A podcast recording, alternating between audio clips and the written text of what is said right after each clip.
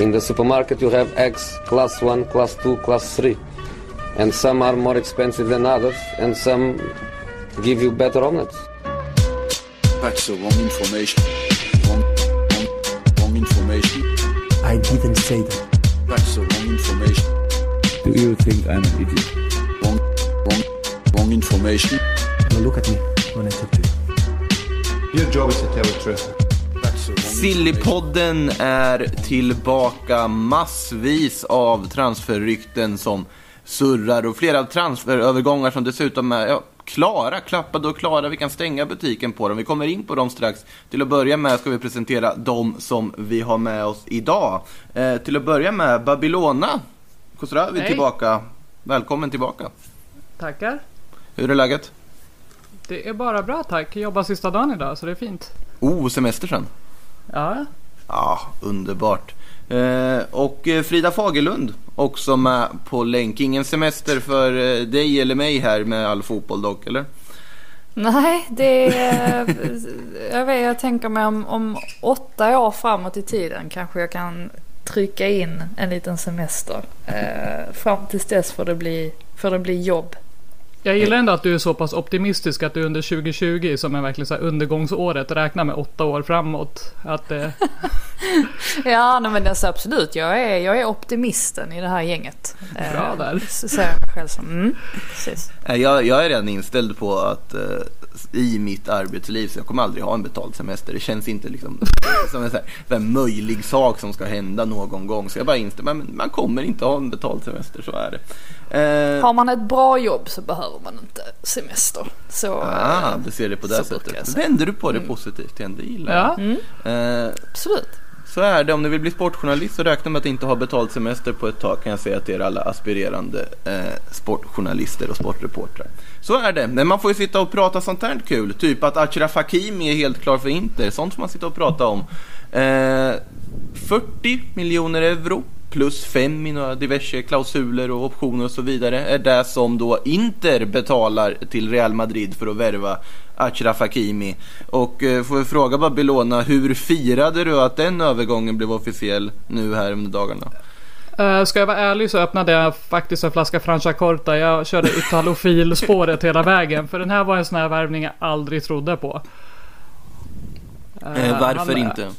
Ja men eh, om man tittar på vilken säsong han har haft eh, i Dortmund och liksom senaste två åren. Hur bra han har varit, åldern, hela den här biten. Jag räknade med att det skulle komma någon Premier League-klubb och, snappa, snappa upp honom. Mm. Eh, Så att eh, jättefin värvning och jag förstår den definitivt med tanke på att han passar perfekt in i Contes system i alla fall på pappret. Och en ung, talangfull, utvecklingsbar. Det här är en riktigt bra värvning. Ja, det är ju en helt otrolig värvning ska jag säga. Också sett till hur Inter spelar. Eh, Achraf tillhörde ju Real Madrid men var på lån i Dortmund. Två säsonger, den har imponerat otroligt mycket i en wingbacks roll också i ja, Dortmunds spelsystem. Eh, men ville ha speltid som han inte skulle få i Real Madrid. Ville ha en lön sägs det också som han inte skulle få i Real Madrid. Och då blev det i det här fallet då att han väljer att gå till Inter. Real cashar in. Eh, ingen återköpsklausul heller i det här avtalet rapporteras det. Däremot Fast det kan man väl förstå med tanke på övergångssumman. Så låg är den ju inte att man tycker att de ska ha en återköpsklausul heller. Nej Eller? men det är väl om man ska säkra i framtiden. Men det har man, verkar man ju enligt uppgifter ändå ha gjort från Reals håll att då inom loppet av det, det varierar i uppgifter om det är två eller tre år. Men att det ska finnas någon form av first refusal. Ifall en Mm. annan klubb skulle lägga ett bud så har Real Madrid någon sorts första king. Eh, och ur den aspekten så känns det ju som att man ändå på något sätt har en livlina. För det är ju många som har reagerat på att men varför sälja av den mest talangfulla högerback man har i det här läget. Men det kan ju ha att göra med, tänker jag, att Real spelar ju en fyrbackslinje. Och Achraf Hakimi i en fyrbackslinje känns inte tryggt. Än. Nej, nej, han är ju bättre framåt än bakåt kan man väl lugnt konstatera. Mm. Eh, men det är väl en del som han lär utveckla i Italien med tanke på hur viktigt eh, just det taktiska defensivt är. Och Conte är ju en sån här som springer längs med typ hela, speciellt nu hör man ju det när, när det inte är någon publik. Hur mycket han ligger på spelarna i varenda liten detalj om det. Eh, så att eh, han lär ju snappa upp det bra defensivt också. Mm. Lär han hänga, Conte lär ju inte hänga med Achraf i den farten dock på kanten med att springa med. Förmodligen inte. Får köra en liten moppe bredvid eller något. Det hade varit intressant. fantastiskt att se. Vad, vad säger du Frida? Eh, Babylon nämnde ju att det var en Premier League-klubb, trodde hon i alla fall skulle snappa upp Achraf. Kände du att det var någon klubb som kanske borde varit lite mer aktiv i jakten på honom?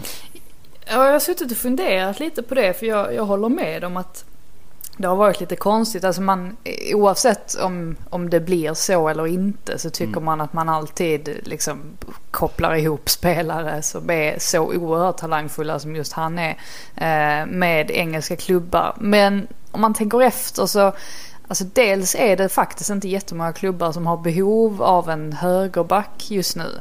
Mm. Eh, alltså Liverpool sitter ju på en, en ganska hyfsad i är okej, ja. Alexander Arnold. Han är okej.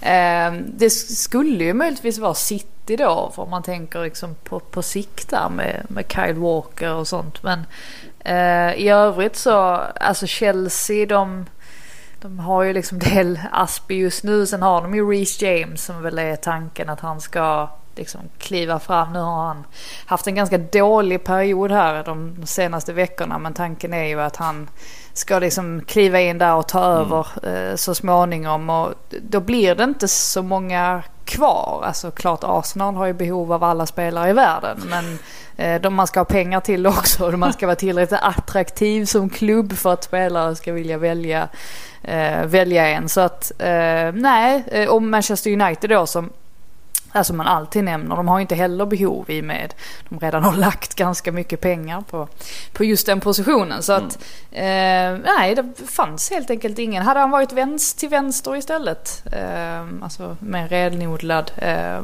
då tror jag nog att det hade kanske eh, kommit lite fler eh, rykten. Mm. Han kan ju spela till vänster också men det är väl just till höger som han kanske varit mest framgångsrik just i Dortmund eh, Då. Eh, har väl var bytt kant lite här och var under utvecklingen och ja, uppkomsten av honom eller vad man ska säga. Eh, men fantastisk värvning av Inter och du nämnde ju Chelsea lite och deras situation för nu när vi ändå är inne på att får man slänga in det senaste ryktet som kommer om att Inter då ska nu börja titta på andra ytterbackspositionen. Och att då ska det vara Emerson Palmieri som man är intresserad av. Och det känns ju lite mer inter, alltså realistisk intervärvning, eller? Ja, fast är någonting realistiskt som att köpa från Chelsea? De har ju varit eh, ohyggligt bra på att sälja. Ja. Eh, även spelare som kanske inte platsat då. Eh, men Palmieri känns väl, jag tror att han skulle må bra av att gå tillbaka till Serie A. För där var han ju bra mycket bättre än han har varit i Premier League. Mm. Eh, dock inte lika hypad som Hakimi såklart. Men eh, det är ju tydligt att man försöker, och man behöver ju det också, i Inter eh, spetsa till laget. Både, både på bänken och i startelvan som inte, den, den når ju inte hela vägen. Än. Eh, Frida, vad säger du om Emerson? Känns det väl rätt för Chelsea att försöka bli av med honom också? Absolut, han har inte varit särskilt eh, lyckad. Jag tror att eh, dessutom, och de gångerna han har fått chansen under säsongen så har han sett ganska, ganska stabbig ut faktiskt. Han har inte bidragit med, med så mycket som man hade önskat. Jag tror Chelsea-supportrarna är ganska trötta på den där typen av värvningar eh, överlag. Det har ju funnits en del sådana de, de senaste åren där man liksom har plockat in namn som helt enkelt liksom inte har, ja men Zappa Costa är ett klassiskt exempel också så att jag, eh, jag, jag tror inte att de kommer gråta floder eh, när Emerson lämnar för att det är ju en fråga om när snarare än om. Mm. Eh, någonting som inte varken fråga eller när eller om och så vidare utan bara är konsta- konstaterat helt klart nu också är ju Leroy Sanés övergång från Manchester City till Bayern München. Eh, han har presenterats nu. Han fick en ganska tråkig presentationsvideo måste jag faktiskt säga att det var lite text om han kommer från Ruhr och sen en bild på honom. Nej, det där kunde de jobbat bättre på sociala medier-kontoret i Bayern München. Och de brukar ju vara duktiga på sånt. Men Bayern München är, de har lite för hög klass för att vara duktiga på sånt. Ja, Men är fast det deras lite- amerikanska konto är jättebra. Alltså de är roliga. Vilket Alltså, känns Bayerns lite konto? otippat. Ja, det, det engelska kontot är kul. Alltså där har de humor. Så att man blir förvånad varje gång. Men är det inte lite ur mode med presentation, presentationsvideos? Det kanske nu? Alltså är. nu har man, nu har man Ja. gjort ett x antal år. Det var väl Pogba liksom som var den första som var sådär liksom wow, vad är det här för någonting? Eh, och och nu, nu känns det som att det liksom har fallit ur mode lite. Ja, Eh, kanske kommer någonting nytt så småningom, Det- vem vet? det nya är ju att man eh, presenterar eh, inte spelare i Allsvenskan med presentationsvideos. Måste jag säga. Marcus Birros presentationsvideo i Mjällby. Intressant. Och sen, eh, vad heter det? Eh, Poddkollegan Marcus Tappers presentationsvideo i IFK Norrköping när de skulle börja podda också. Det är ju en helt nytt grepp han tar i Sverige i alla fall att presentera folk som inte ska spela fotboll med presentationsvideos. Kan man ju tillägga. Ja. Kanske går åt det hållet. Eh, sociala medier-anställda kommer presenteras med presentationsvideos. Eh, planskötare, allt möjligt. Eh, Möjligheterna är oändliga, men oavsett Leroy Sané alltså helt klar för Bayern München. Vi har ju i princip bara väntat in den här övergången.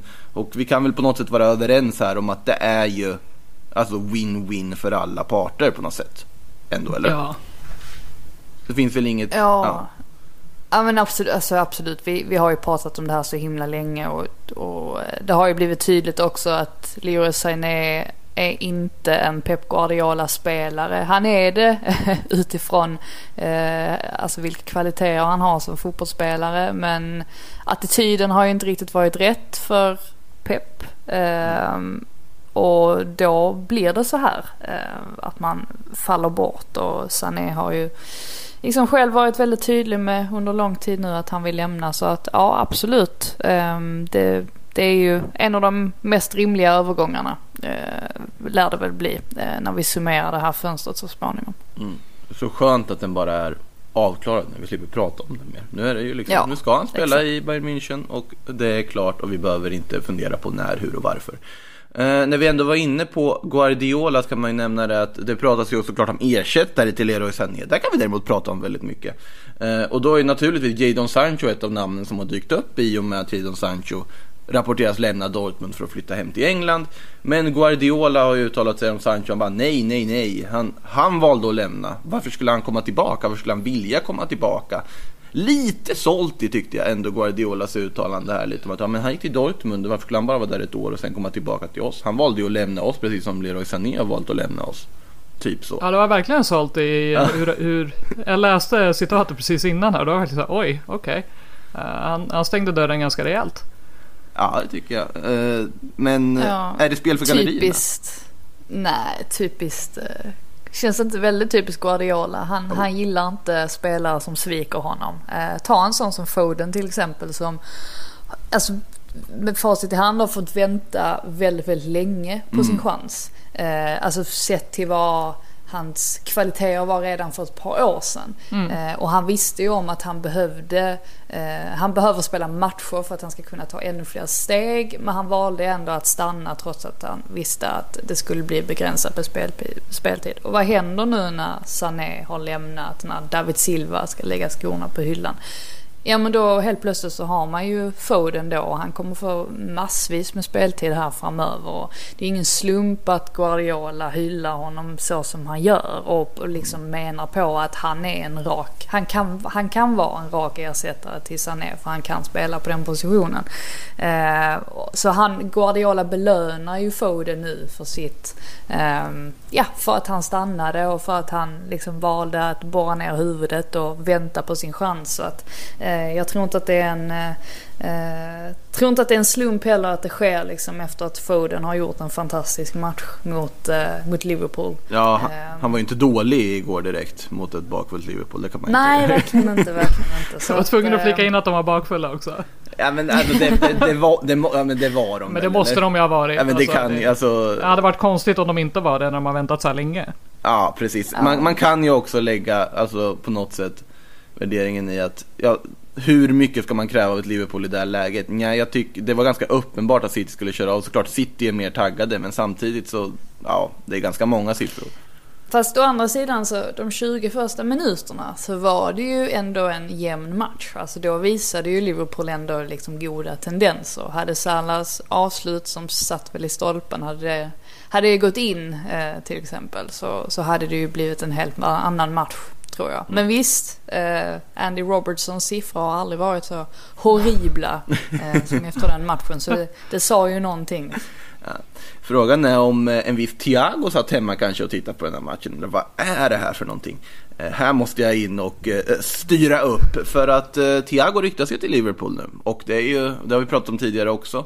Men det har kommit lite fler uppgifter och det är lite mer surr om detta just nu. Sport i Barcelona-tidningen som ju borde teoretiskt sett ha koll på Thiago sett till hans koppling till Barca och så vidare.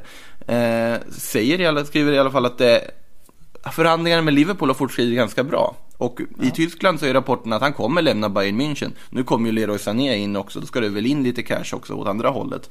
Och Thiago då som har kontrakt som går ut 2021 ska då lämna. I Tyskland så är det frågan, ja men blir det Liverpool eller vad blir det för någonting? Men det verkar ju ändå som att Liverpool är en potentiell anhalt för Thiago. Vi har ju varit inne lite på det förut men eh, vad känner vi nu? Känner vi lite samma sak? Att speltypen känns ju inte riktigt Jörgen Kloppsk men att det kanske ändå finns någonting positivt i att ta in en sån typ av spelare. Ja, alltså det, det jag motsatte mig var ju att det, det känns liksom helt enkelt inte som en, som en Liverpool-värvning eh, i sig. Alltså om, om man tittar på liksom hur deras strategi har sett ut nu de senaste åren så han passar inte riktigt in. Eh, att, att det är en bra spelare, det, det, det vet vi ju allihopa. Och vi vet ju också att eh, visst, eh, alltså Liverpool har ett bra mittfält men det är väl klart att man alltid kan liksom förstärka alltså vissa positioner. Sen tycker jag väl att det har blivit tydligare nu att alltså Liverpools, liksom, där de måste stärka upp främst är ju ja, alltså dels liksom en, en backup till fronttrean har väl alltid varit på bordet i och för sig men alltså i försvarslinjen här med alltså mittbacksituationen är ju inte helt eh, solid den heller så att jag tycker väl ändå att det finns andra områden som de kanske eh, alltså borde prioritera före. Så att just därför har jag inte trott så mycket eh, på det här. Sen vet man ju aldrig. Alltså Klopp kanske mm, liksom har lagt fram detta förslaget eh, själv och, tycker att eh, liksom, han kan se en plats för honom. Men, men jag, eh, jag har ganska svårt att se det. Mm. Babylona, vad säger du om Thiago och Liverpool? Alltså jag håller med. Jag blev lite förvånad när jag såg att det var just till Liverpool. Uh, dunder mittfältare som hade passat in så mycket bättre i eh, väldigt många andra lag. Mm. Eh, men känns inte som en klopp mittfältare. Så det, det är nästan då att man hoppas att den blir av just för att se vad det är han vill hitta på. Ja, lite så är det ju faktiskt. Man vill ju se vad Klopp har för tanke med det här. För det måste ju finnas en tanke, Klopp är inte dum. Så att eh, Nej. det... Nej. Han var lite, han var lite sur igår dock. eh, Fast det är han ju ofta. Sky-intervju. Ja, fast det här, var, det här var ju på en annan nivå. Ja, det var verkligen... Ja, han var grinig Ja. alltså. Ja, han var grinig. Ja, stark. Det var... Ja. Bakfull. Nej. Ja, ja, han, han har ju bara... Ja men exakt, det var min första tanke. Han har ju bara liksom säkrat en ligatitel. Klart att han kan få vara lite sur här efter en stor fest. Fantastiskt. Ja, de, jag tror att Liverpool har haft jobbigare 0-4 torskar och en stor torskar än den där matchen om vi säger så. Sett till att man, man, man har det ändå ganska bra just nu. Vet man ni vart bör man har... bra. Ja, de mår nog bra. Vet ni vilka som inte mår så bra? Är det Barca eller? Ja, det är ju faktiskt Barcelona.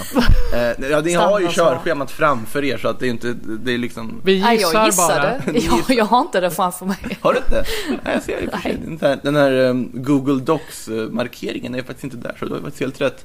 Eh, Cadena Ser kom med uppgifterna i natt här nu eh, om att eh, Lionel Messi, han har ju varit i kontraktsförhandlingar med Barcelona om att förlänga, men nu ska han känna att äh, nu får det banne mig vara nog, jag orkar inte det här. Eh, ska vara trött på klubben och då bestämt sig för att stoppa kontraktsförhandlingarna, spela ut kontraktet 2021 och sen dra.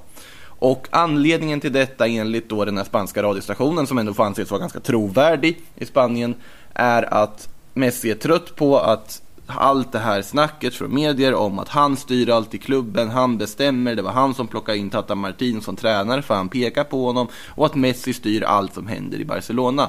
Hela det snacket har han tröttnat på, han känner inte att han vill dra ner klubben i skiten och också dessutom han vill inte jobba under Bartomeu något mer och därför då bestämt sig för att lämna efter 2021 om ingenting sker.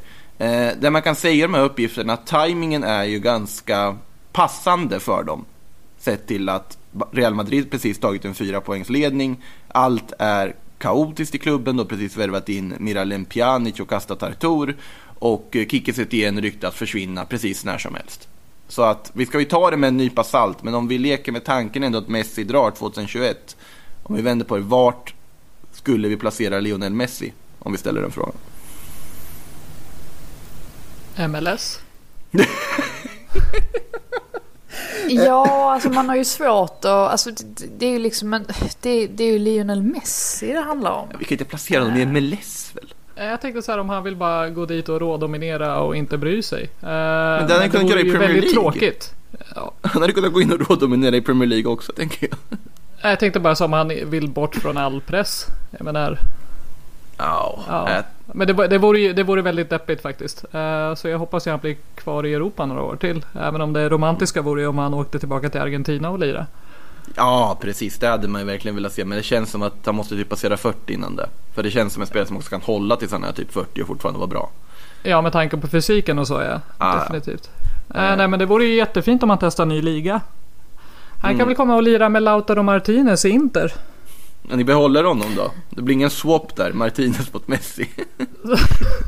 det emot alltihop. Det är så här, Lautaro som vill åka och lira med Messi och så drar han dit och i utbyte. Får lira med Griezmann istället. Ja, Ja. Griezmann och Pjanic. Ja, vilken grej. Eh, nej, ja men Messi.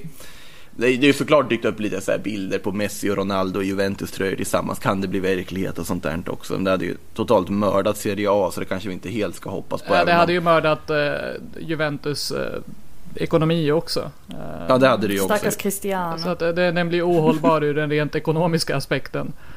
Ja.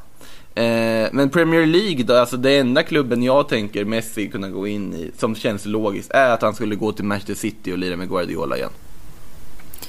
Men om de inte ja, har Champions League. absolut. Men- Ja, men Det är ändå. många år. Ja, exakt. Eh, och, och, ja, och plus att alltså, vad, det känns inte som att eh, alltså, Messi och, och Zlatan är ju väldigt olika på många sätt. Men alltså, det känns inte som att Messi har det här behovet att liksom Zlatan gå till Premier League lite grann för att bevisa sig själv. Alltså nu behöver ju inte Messi bevisa sig själv. Till och med engelsmän ser att han är ganska bra.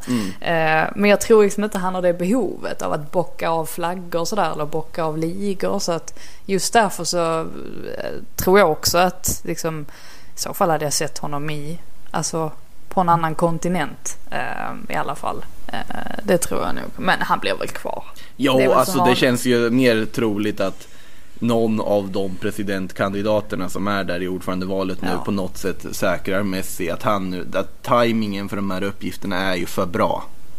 På något sätt. Ja. Att han, och det mesta tyder ju fortfarande på att han blir kvar, men likväl, nu kommer det ändå trovärdiga uppgifter. Det är roligt att leka med dem och se liksom vart, vart man skulle kunna tänka sig. Jag säger ju City ändå, men det är för att spela med Guardiola och att inte för att bevisa sig själv på något sätt. De, folk har ju slutat som sagt säga liksom att ja men ja, Messi må vara bra mot eh, lag i La Liga but would he do it on a cold Tuesday night in Stoke? Nej du säger inte det om Messi någon mer. Han skulle göra det på en cold Tuesday night in Stoke också. Men, Jo, men Pep har ju bara ett år kvar på sitt kontrakt också.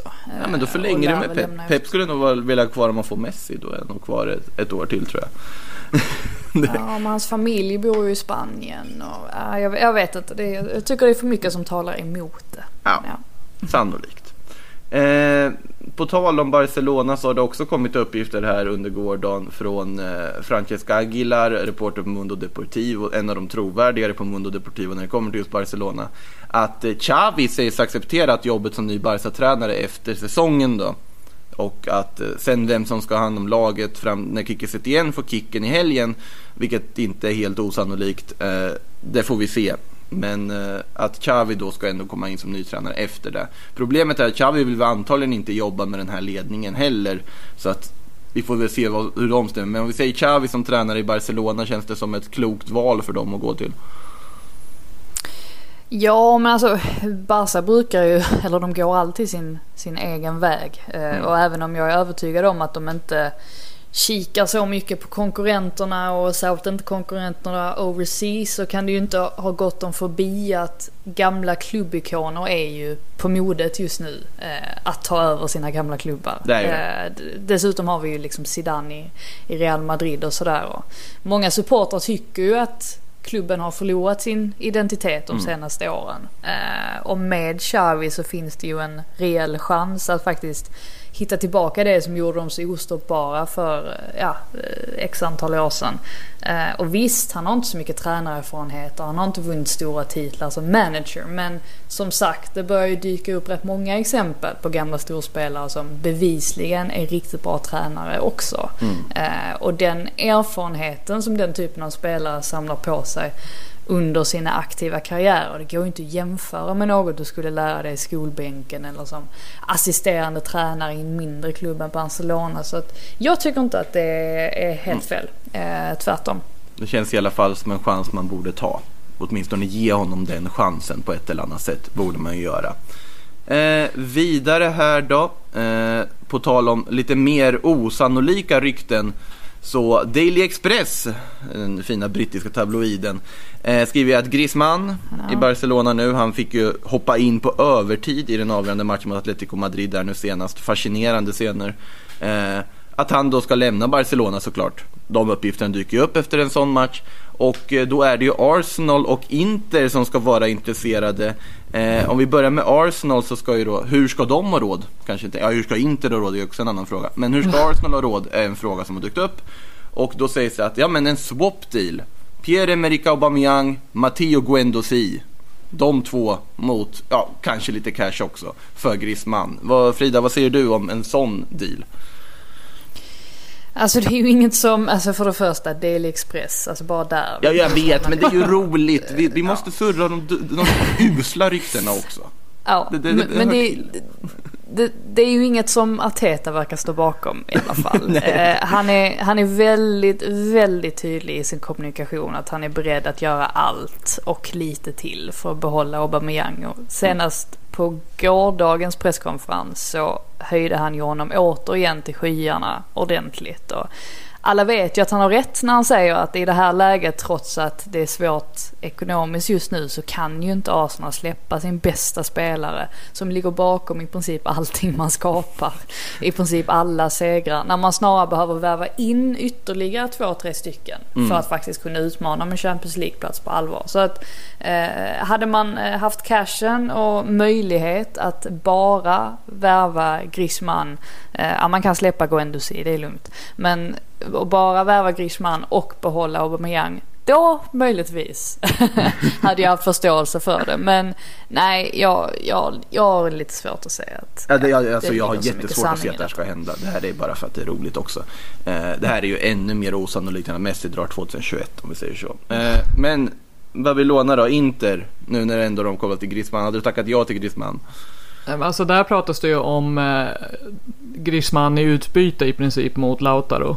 Um, Alltså Griezmann spelaren som man såg i Atletico är en spelare man alltid säger ja till. Men jag har jag kan inte se den hända bara på grund av den rent ekonomiska aspekten. Uh, Griezmann har ju en lön som ingen annan inte är i närheten av och som man inte skulle kunna ge. Uh, och då skulle jag också förstöra eftersom man, ja men hela den här amorteringsgrejen att det slutar på ett gäng år. Det här kommer ju ha en sån impact på deras framtida chanser att värva och så. Uh, att det skulle bli för tungt tror jag, rent ekonomiskt. Uh, och sen, ja, ger du bort en 23-åring för att plocka in någon som är 30? Det går att göra. Vi har sett det för ganska Ja, vi har ju sett det, men jag, jag känner att bara, nja. Det hade ju varit logiskt för Barcelona. Men, ja, men vi bytte ut en 23-åring mot en 30-åring. Nu byter vi ut en 30-åring mot en 23-åring. Vi Plus minus noll. ja. Perfekt. Ja. Eh, men eh, inte så kul för Inter kanske, ska sägas också. Eh, vi, jag vill tillbaka till Arsenal här också. Eh, på tal om brittiska tabloider, eh, Daily Mail, som väl ändå får anses, vad säger du Frida, de får anses lite mer trovärdiga än Express va? Mm, snäppet, snäppet upp. Snäppet upp Ribban är låga.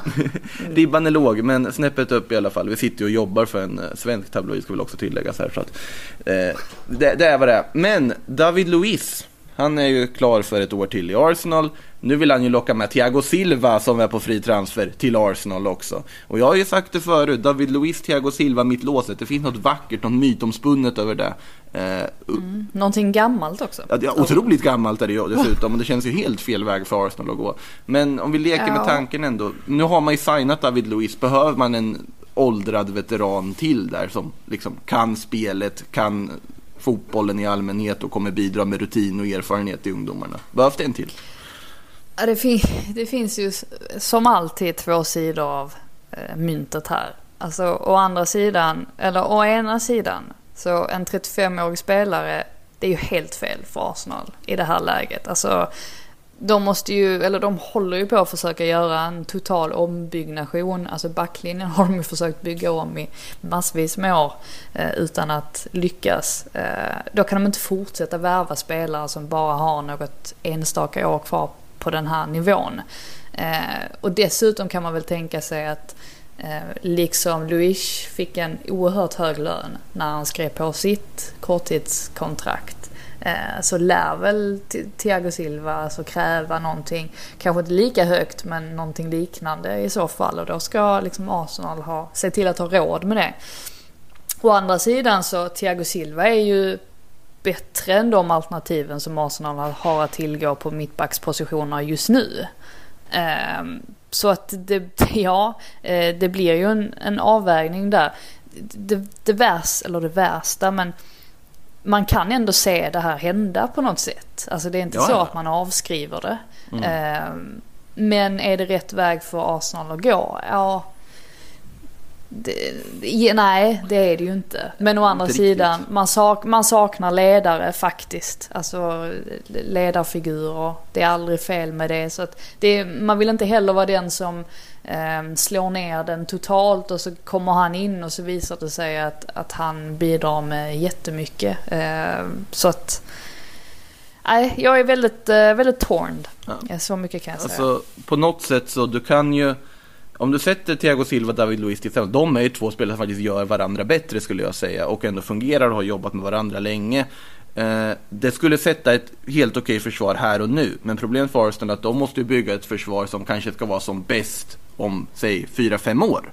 För du måste ha någon form av långsiktighet. Du vill ju inte sätta ditt försvar som är perfekt nu i ett läge, du vill ju snarare ha det om ni förstår mig, såklart du vill ha bra försvar här och nu också, men det ska ju vara ett försvar som också håller i 5-6 år och blir bättre med varandra. Eh, David Luiz och Thiago Silva är ju en kortsiktig lösning på det, för då måste du ju ändå skaffa en mittback och sätta ett nytt försvar om några år. Så att, eh, Jo, det var precis det jag precis. eh, var inne på. Eh, vi är överens alltså. Eh, Det finns ju en ung försvarare i Arsenal också, William Saliba, som det pratas en del om. Eh, vad, eh, det har varit lite bråk där mellan Arsenal och San Etienne va? Ja, eh, de har varit lite oense om eh, huruvida Saliba skulle få eh, förlänga sitt kontrakt den här sista tiden. Ehm, och uppenbarligen, nu har jag liksom inte hela jag läste bara igenom press, båda pressmeddelandena och det ska väl ha liksom skurit sig emellan klubbarna när de skulle försöka komma överens om ehm, Saliba skulle få spela kuppen var det väl nu. Um, och det verkar inte som att um, enligt Arsenal så kunde inte uh, ville inte saint Etienne följa uh, Arsenals riktlinjer. Um, och därmed så valde Arsenal att uh, säga nej. Att Saliba uppenbarligen var besviken över detta men att Arsenal bara värnade om sin spelare. Så att nej, det verkar ju ha gått lite, lite, lite åt skogen där med deras kommunikation eller relation snarare. Får se om det påverkar någonting i, i framtiden här. Något som däremot inte gått åt skogen är förlängningen med Bukayo Saka. Som man fick igenom Nej. här nu. Den känns ju jätteviktig verkligen att man signar honom Ah, till ja. 2025. Ja, ja, ja, ja gud ja. Det, det är det viktigaste som eh, kunde hända egentligen eh, efter att Aubameyang liksom ska, eh, ska lösas. Eh, nej, men Bukayo Saka är ju framtiden, precis som du säger. Ehm, har varit extremt, eh, haft, en extremt extremt viktig roll eh, nu de senaste matcherna. Han spelade i i och för sig inte mot Norwich, han vilades väl då, men eh, har varit väldigt, väldigt eh, viktig eh, i de här senaste matcherna annars. Eh, där man märker att Arteta har gett honom en mycket friare roll. Eh, där han får göra lite som han vill och eh, att det gynnar Arsenals offensiva spel väldigt mycket. Så att eh, nej, det var superviktigt att eh, få den förlängningen klar, helt klart. Eh, ska vi röra oss till Italien? Där händer det ju också saker. Eh, Victor Osimhen, då, an, nigeriansk anfallare som gjort det jättebra i Lille. Han har ryktats väldigt mycket till Napoli här nu och eh, vissa rapporter säger att han ja, är verkligen på väg till just Napoli. Men det finns också rapporter som säger att han inte ska vara helt övertygad om att Napoli är rätt klubb för honom. Vad belånar du som följer Italien, eller italienska fotbollen? Osimen till Napoli, känns det som en vettig förstärkning för Napolis del och för Osimens del? Så jag... Det är, ju, det är ju definitivt ett step upp från Lill skulle jag vilja säga. Uh, och Napoli och det känns ju som att Gattuso kommer få jobba där långsiktigt. Uh, nu sägs ju Milik vara på väg ut. Eh, så att de, de behöver ju ta in någon. Eh, och, så, och Simeon är ju... Jag tror definitivt han kan göra det bra. Eh, frågan är ju bara var, vilken liga han hellre skulle till eller vad han ser sig själv gå efter Lill. Det känns väl Ja. lite, det är väl mera det som har varit tveksamt att han kanske hellre hade velat gå till en annan liga. Han har ju kopplats mycket med Liverpool också tidigare men det känns som att Liverpool tittar på andra hyllor nu. Än vad de Ja, men kanske gjorde så. med Osimhen kopplat. Nu är ju Osimhen ung och lovande och skulle kunna kanske acceptera och ha någon sorts rotationsroll och en värvning för framtiden snarare. Men på något sätt känns ju Napoli som en kanonövergång för honom skulle jag säga. Med tanke på att Napoli ändå mår väldigt bra nu. Ja men de Ändå. mår bra. De de har ju ett satt spel nu. Mm. De har tagit en titel i Coppa Italia. Det är lite lugn nu kring klubben. Man har förlängt med de viktiga spelarna med Mertens och de här.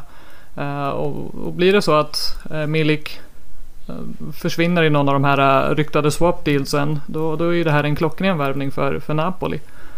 Mm. Också med tanke på att ja, de som har förläng- förlängt med här nu då, jag tänker på Insigne, jag tänker på Merten, eller Insigne hade ju kontrakt innan i och för sig men men de, Ja, men de är lite ju äldre. Exakt, och då får du in Osimhen som sakta kan liksom roteras in och då kan du ju även få in Dominik Soboslaj eh, Ursäkta uttalet, mitt ungerska uttal om det var helt Nej, jag vågar inte ens ge mig på den. Nej, det var mer liksom riktat till eventuella ungrare som lyssnar på. Men i alla fall, han då, 19-åringen, är också kopplad till Napoli en hel del. Eh, att eh, det var ju Gianluca Di Marzio, transfiguren här, som påpekat då att eh, Napoli jobbar hårt för att värva Soboslaj. Eh, och 25 miljoner euro i en utköpsklausul på honom där. Men att Allan måste då lämna först innan man har råd att plocka in honom från Red Bull Salzburg. Eh, vad känns det? Det känns ju också som en föryngring på den andra positioner pratar vi här. Men har Allan gjort sitt i Napoli kanske? Ja men alltså det känns ju lite så. Han eh, har väl inte levererat riktigt på samma nivå som han gjorde innan han ryktades till PSG och den övergången gick i stöp. Mm. Eh, så det känns ju som att det, det är dags där och speciellt efter det här myteriet och så som var och allt det där kaoset kring att man bör nog börja rensa lite där och plocka in yngre spelare kanske. eh, Som man kan bygga nytt kring, en ny stomme. Mm. Och ungraren är ju väldigt, väldigt intressant. Har gjort det jättebra i år. Och får man se till hur marknaden ser ut så är 25 miljoner euro ett, ett kap. Mm. Men där sägs väl även Milan ha varit ute efter honom ganska länge. Men där är det så pass oklart vem det är som ska handla spelare. Ja, Ragnik är inte helt klar än. Ja, Han är ju inte det. Han är inte officiell. Jag menar Maldini är ju fortfarande där. Så att det är som Ja, att... eh, rörigt. Jag, jag vet ju inte vem det är som förhandlar och för vems räkning liksom. Och Pioli ska coacha men... eh, Är han ute? Ja. Kommer, kommer Ragni komma in och coacha? Vad är det för typ av spelare man ska in då? Eller bygger man någonting för Pioli? Eh, Det, det är oerhört kaotiskt. Mm. Och så ska man ju då försöka förlänga med Donnarumma som har kontrakt som går ut om ett år eller någonting. Så behöva sitta med Raiola i den här situationen är väl inte heller helt optimalt. Och med Donnarumma dessutom. Man kanske i och för sig mognat sen senaste gången det var massa stök kring honom. Ja, det har ju varit snack om att eh, Milan erbjuder ett kontrakt då som är lägre än det han har nu men att med bättre bonusar. Mm. Eh, det får vi se där om man, jag tror ändå att Donnarumma stannar på något sätt. Det känns som att han, han hade lämnat tidigare om det inte det finns ändå ett stort klubbhjärta där och att han och Milan har ju ändå någonting på gång åtminstone om de får in Ragnik men det, det får vi ju se vad som händer. Eh, verkar i alla fall så att det inte blir Zlatan som är kvar där. Eh, Sky Sport Italia är det senaste i raden av alla möjliga källor som har sagt att eh, Zlatan nu ser bortom Milan efter den här säsongen och att man då naturligtvis kopplar honom till Hammarby. Eh, vi behöver ju inte gå in så mycket närmare på den för det har vi ju pratat om otaliga gånger att vi tror han hamnar i Hammarby men man kan ändå göra en liten lägeskoll.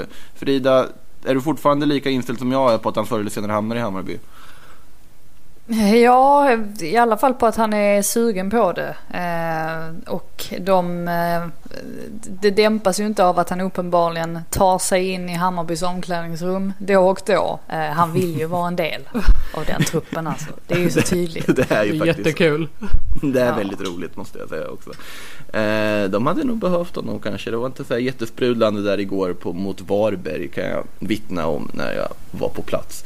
Eh, men eh, så är läget i Milan. Eh, innan vi går in på lite lyssnarfrågor så finns det en sak vi verkligen måste ta upp. Och det här är, jag har aldrig hört talas om den här källan förut ska jag vara ärlig och säga.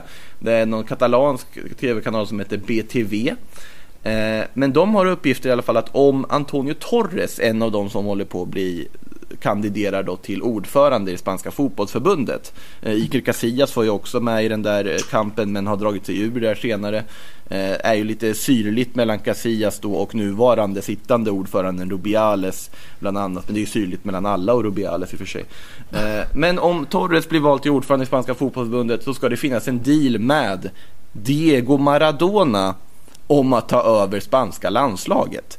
Och det här är ju så osannolikt sjukt att det kommer aldrig hända. Men vi måste leka med tanken. Diego Maradona som förbundskapten för spanska landslaget. Hur illa hade det kunnat bli? Eller hur bra Det hade kan bli så, i, så underbart illa. Det här vill jag ju ska ske. Det här kan bli så otroligt roligt. Alltså man vill ju se det. Alltså, man undrar ju Nästan vilken... mer än ja. jag vill se Zlatan i Hammarby. Nästan mer alltså. Det här är ju, det här är ju magi. Ja, det, det, det är fullkomlig magi och man undrar ju vilken obskyr spelare kommer Maradona ta ut? För han kommer ju ta ut någon sån här kille som bara, men vänta va? Spelar han fortfarande fotboll eller någonting? Han kommer hitta någon spanjor ute i typ australiensiska ligan eller något som han tar in i landslaget. Han kommer hitta någonting konstigt. Men det är bara, bara den tanken att Maradona ska träna spanska landslaget, bara den bara vill jag slänga ut så att folk ändå får en riktigt fin fredag funderandes på detta helt sjuka rykte. Eh, Men det har ju ändå varit lite stökigt i Spaniens landslag ju. Alltså på tränar eller förbundskaptenspositionen. Så det känns ju inte, känns ju inte helt sådär ändå. Kanske kan hända. Ja, det- har ju varit stökigt. Alltså förra VM ska vi inte prata om om vi säger så. När man sparkar tränaren två dagar innan för att tacka ja till Real Madrid och sen plockar in Hierro. Och det var ju då Rubiales presenterade sig för allmänheten, ordföranden där, som en kille som gillar att stå i centrum. Det är ju det han är. Och så har du en annan kille i ligaförbundet i Spanien, då Javier Tebas, som också älskar att stå i centrum. Och de här två hatar varandra. Så det gör ju också att de liksom i princip lägger in nya regler och idéer bara för att jävlas med varandra från fram och tillbaka hela tiden. Och man, man vill ju inte ha en spansk fotboll som inte är på det sättet. Det, det ju, Så jag vill ju ha en dokusåpa. ja, ja, men det det är en, följ La Liga, då får du dokusåpa. Ja, men jag pratar, dag. inte, jag pratar inte spanska. Jag vill ha det liksom. Jag vill ha dem in när de kastar shade på varandra. Jag vill, jag vill ha det live. Ja, men det är bara att följa presskonferenser så får du det live. det, det, det är det enda de gör. Jag måste göra det mer alltså.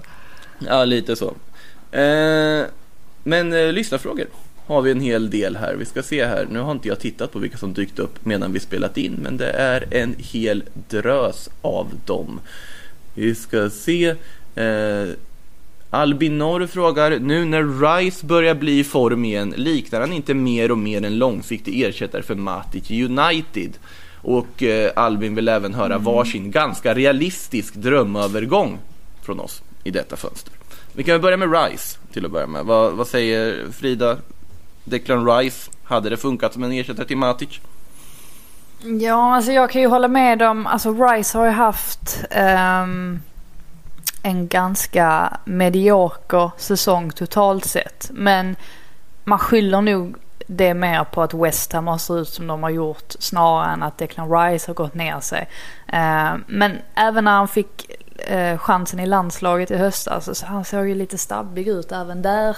Eh, vilket fick en att liksom tänka att det kanske har påverkat honom.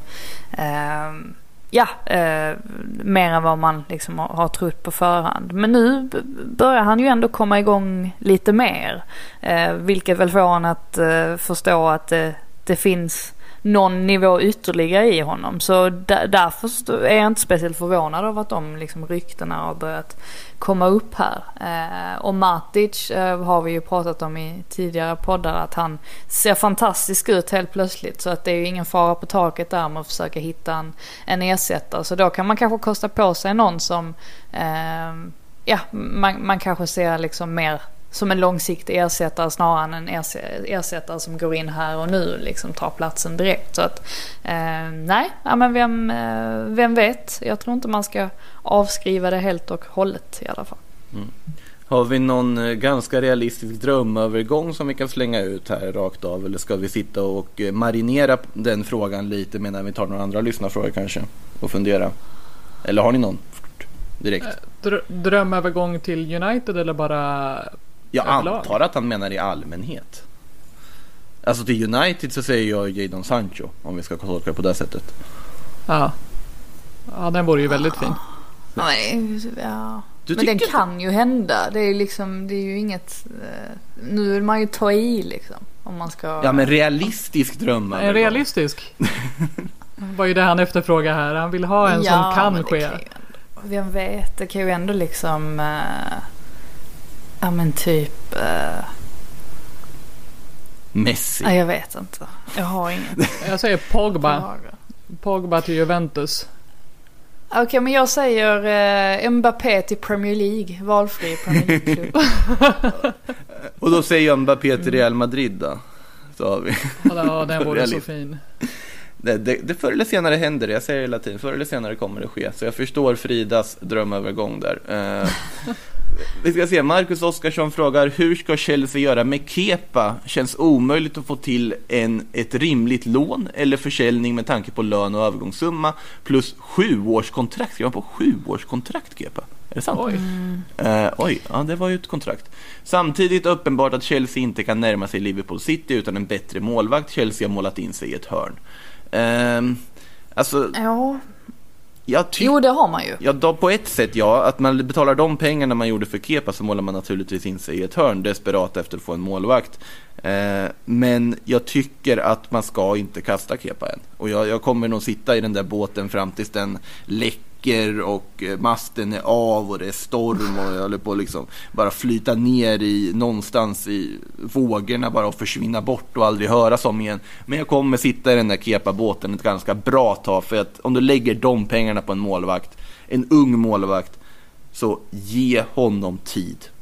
Jag säger bara ge Ja. honom tid. Att, nu har det sett dåligt ut, men sätt ett bra försvar. Sen kan du titta, oj, Kepa funkar ändå inte. Då kan vi byta ut honom. Det, det finns ju ett par grejer här som spelar in. Mm. Ehm, och visst, dels så är det eh, lön och övergångssumma och allt sånt. Men om vi bortser från det ehm, så är det ju dels att man har en andra målvakt som inte håller. Ehm, alltså Willy Caballero är ju jätteuppskattad men han, han är inte tillräckligt bra för att kunna konkurrera med Kepa ens. Nej. Eh, och där hade man behövt liksom någon bättre. Och det tredje är ju att vilken målvakt skulle ersätta Kepa? Det har pratats om Dean Henderson. Eh, det ska uppenbarligen ha, eh, alltså det, har, det ska inte ha funnits sådär jättemycket sanning i det. Visst, de hade kunnat tänka sig att ta honom på lån en säsong men de hade inte velat köpa loss honom permanent. Så att det lär inte hända. Eh, och vilka har man då kvar ute i Europa? Eh, som man möjligtvis kan värva in. Ja men med tanke på att de har liksom en ganska god relation till Ajax så är väl en, alltså Onana är väl en sån som man kommer att tänka på. Eh, men i övrigt så, där finns inte så många målvakter just nu. Och det, alltså som är liksom på den nivån så att man ska liksom upp och konkurrera med en sån som Allison till exempel. Eh, och det, det var ju det som var själva anledningen till att det blev ett sånt panikköp. För att Chelsea kände att Nej men gud, alltså nu alla bra målvakter är ju plockade. Nu måste vi bara få in någon liksom nu i och med att vi har släppt Courtois. Så att det, det finns så mycket som ja, men som, som förhindrar att de bara skulle kunna släppa honom hur som helst. Så att, eh, jag tror att han kommer bli kvar och jag tror ärligt talat att han kan steppa upp. Alltså det, det är nog lite som i de Geas fall också. Att, eh, Får man in en andra målvakt där som är som är lite bättre. Alltså då, träningarna blir ju bättre, man får mer motivation. Eh, alltså man känner liksom att oj, man är utbytbar, nu måste man steppa upp sitt game. Jag, jag tror att det kan vara en sån, en sån situation där också möjligtvis. Donnarumma kanske? Annars? Kanske. Men då är det, då är det också målvakt. Ja, men det är ju en målvakt du skulle behöva ge lite tid också. Jag menar, han är Ja. fortfarande ung. Han gör ju sina fails han också och är väl inte dunder med fötterna heller. Så att eh, det, det finns en del att jobba på även där. Så frågan är om de vill ha in någon etablerad eller om... eh, För att ska man ge någon tid så kan man väl lika gärna fortsätta med Kepa och faktiskt Jag tycker jobba på också det. det. Jag tycker att eh, lugna er med Kepa, alla Chelsea-fans. Ge honom tid. Jag fattar att det är frustrerande, men ge honom fortfarande chansen. Det, det är så pass mycket pengar på spel också och en så pass lovande målvakt att ge en tid. Eh, Freddan frågar, vilket lag tror ni tar Angel Gomes? Alltså Manchester United-ynglingen då som lämnar här på fri transfer. Ja, tidigare pratades ju främst om Chelsea. Eh, nu finns det väl inget eh, behov av honom där. Eh, jag, jag är ganska spänd på att se vad som kommer ske för att eh, alltså om man pratar med folk som eh, arbetar med att täcka enbart Manchester United så är ju deras uppfattning att Gomes i princip har skjutit sig själv i foten här. Eh, och liksom att han har varit för girig, att han har f- haft för, för dåliga rådgivare eh, och att det här kommer liksom inte bli, bli bra på sikt och, och sådär. Alltså det, där får man väl lugna sig lite och, och se vad som sker. Eh, men visst, han, han hade ju inte visat han visade ju inte så mycket i Manchester United att man blir övertygad om att ja, men den här, det här är ju liksom en, en helt otrolig talang. Nej, nej, absolut. Eh, jag är ju, man är ju fortfarande osäker på alltså, exakt liksom, vilken nivå han håller. Så att, ehm, han kommer säkert hitta en ny klubb. Eh, men frågan är om han kommer bli så bra som han uppenbarligen tycker att han själv är. Eh, Det är där jag är, ställer mig lite osäker. Och det är lite konstigt att han inte har kunnat ta chansen nu för att jag menar när det var så mycket skador och Greenwood och de här andra kom in och gjorde det väldigt bra. Eh, Det, det fanns ju uppenbarligen möjlighet att ta en plats då. Det känns ju inte alls som att han var i närheten av att prestera på det sätt som man kanske hade trott för ett par år sedan att han skulle göra vid den här tidpunkten. Så att, eh, ja, jag, jag håller med där. Det är lite svårt att placera hur bra han egentligen kan vara i rätt omgivning. Ja, precis. Eh, Niklas Hultén Lindgren frågar, är Bayern München klara nu med tanke på Kouassi? Ska vi tillägga, Kouassi är officiellt klar också från Paris, den unga mittbacken. Och eh, Sané. Ta ut eran bayern elva och vem vilka bör Chelsea värva för att få mer stabilitet där bak och inte torska mot West Ham när man vunnit mot Leicester och City? Eh, ja, det är ju, vad ska man säga, om vi börjar med Bayern München tror jag inte de är klara. Det känns långt ifrån klara än. Sen är frågan, vad kommer man gå för? Alltså det har pratat om Upamecano jättemycket men frågan om Kouassi är då en ersätt, alltså istället för Upamecano eller både Kouassi och Upamecano. Det vet man ju inte riktigt än hur de resonerar. Då får man se vilka man säljer också. Om alla bara lämnar som det pratas om så är det någon annan som måste in där också. Eh, men jag tror att de är inte klara helt än. I alla fall. Känns det Nej, som. men sen om Thiago Alcantara lämnar så blir det väl också ytterligare någon man måste... Eller tänker du att Sané tar den? Ja, inte den rollen kanske. Då hade de- Nej, liksom att det, det, det blir ju inte heller att då måste man ju plocka in någon ytterligare som ersätter även där då. Precis. Om man inte plockar upp typ och låter, vad heter han? Kuisans eller vad han heter, den unga killen de har tagit upp. Om, om man låter honom få mer speltid eller har en egen egna leden kanske. För du har ju Ja. Goretzka, du har Ja, Kimmich. du, Goretzka är väldigt, ja, väldigt fin. du har ju Goretzka, Kimmich som det sannolikt kommer vara startande central mittfält. Med Thomas Müller framför i någon sorts eh, offensiv mittfält, skugganfallarroll. Och sen Kan vi du, bara ta en stund och uppskatta hur bra Müller har varit i år efter att alla har sagt att han var slut? Ja, det nästan så jag vill lägga in en tyst minut men det passar inte så på bra i, eh, i poddsammanhang. Eh, men eh, i alla fall, vi ska uppskatta vad eh, Thomas Müller gjort. Alltså, fantastiskt bra den här säsongen faktiskt och verkligen bara slår alla på, på fingrarna där som har kritiserat honom. Han håller fortfarande och han kommer spela i den där rollen i Bayern München även nästa säsong. Och det talar ju för att Kai Havertz inte kommer nu i sommar för att Müller petar inte så bra som han har varit. Nej. Så det håller jag helt med om. Och eh, Lewandowski ska väl också tilläggas. Herregud vad bra han har varit också. De, de har det väldigt gott ställt. Men jag håller med om att kanske någon mittfältare som kan rotera med Goretzka, Kimmich. Och möjligtvis om man ska in någon ytterback. För det är ju högerbackspositionen du tittar lite där på också. Huruvida Pavard ska vara första högerback eller om man är tänkt ner som en mittback. Det, det får man se också. Så att någon försvarare till skulle väl jag vilja ha in där i alla fall. Eh, och Chelsea då? De har ju också värvat ganska mycket. Men de känns väl inte heller klara va? Nej, ehm, det, det kan man ju inte tänka sig. Ehm, det är väl... Ja, det är väl fortfarande då alltså vänsterback man sitter och väntar lite på om, liksom, om det kommer att bli Chilwell eller om man kanske eh, vänder sig någon annanstans till något lite billigare alternativ. Eh, Och sen blir det ju ganska tydligt att eh, en mittback, alltså att det hade behövts en rejäl världsklass mittback eh, på plats. Eh, alltså ingen sån här liksom, eh, ja, halv, halvbra utan nu snackar vi om att man lägger en hög summa och man vet om att man får in en väldigt, väldigt bra mittback. Och Koulibaly är ju det exemplet man hela tiden går till men det är ju för att han är en sån typ av mittback. Ehm, så att jag vet liksom inte riktigt om alltså alla de här ryktena med Kai Havertz och sådär. Eh, man förstår dem, absolut. Eh, men kanske så ska man liksom prioritera där. För att just nu så ser ju Chelseas offensiv nästan alltid bra ut. Men där man brister är ju eh, försvarsmässigt. Så att ehm, nej, jag, jag, jag tror väl att det är där deras prioriteringar kommer ligga nu eh, de kommande veckorna. Men klara tror jag inte att de är. Jag tror de tar, tar chansen här och köra ordentligt. Ja, eh, du svarar faktiskt på Noel Johanssons fråga där också. Chelsea verkar gå för Havertz. Men är det verkligen rätt med tanke på hur det såg ut mot West Ham här och då? Perfekt! Jag är Eh, synsk. Ja, Ja, plötsligt bra hände det. Eh, så är det. Chelsea behöver försvar och massa andra lag behöver fortfarande spelare även om det börjar röra på sig och vi får fler och fler officiella övergångar. Och eh, transferfönstret ska ju tilläggas. Nu är det ju officiellt även i Spanien och i Tyskland. 5 oktober är deadline, precis som i Italien. Så att vi får ett långt transferfönster. Ja, Den är väldigt långt.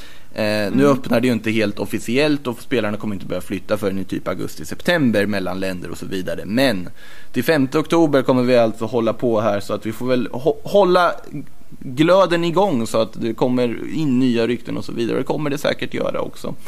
Eh, Babylona, Frida, sedvanligt otroligt trevligt att prata med er och ha en fortsatt trevlig fredag. Tack detsamma. Och eh, även en fortsatt trevlig fredag till er lyssnare. Så hörs vi snart igen. Ha det gott till dess. Hej då!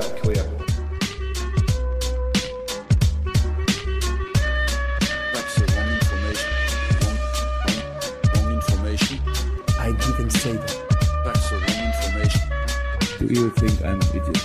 Wrong, wrong, wrong information. Now look at me when I talk to you. Your job is to tell the truth.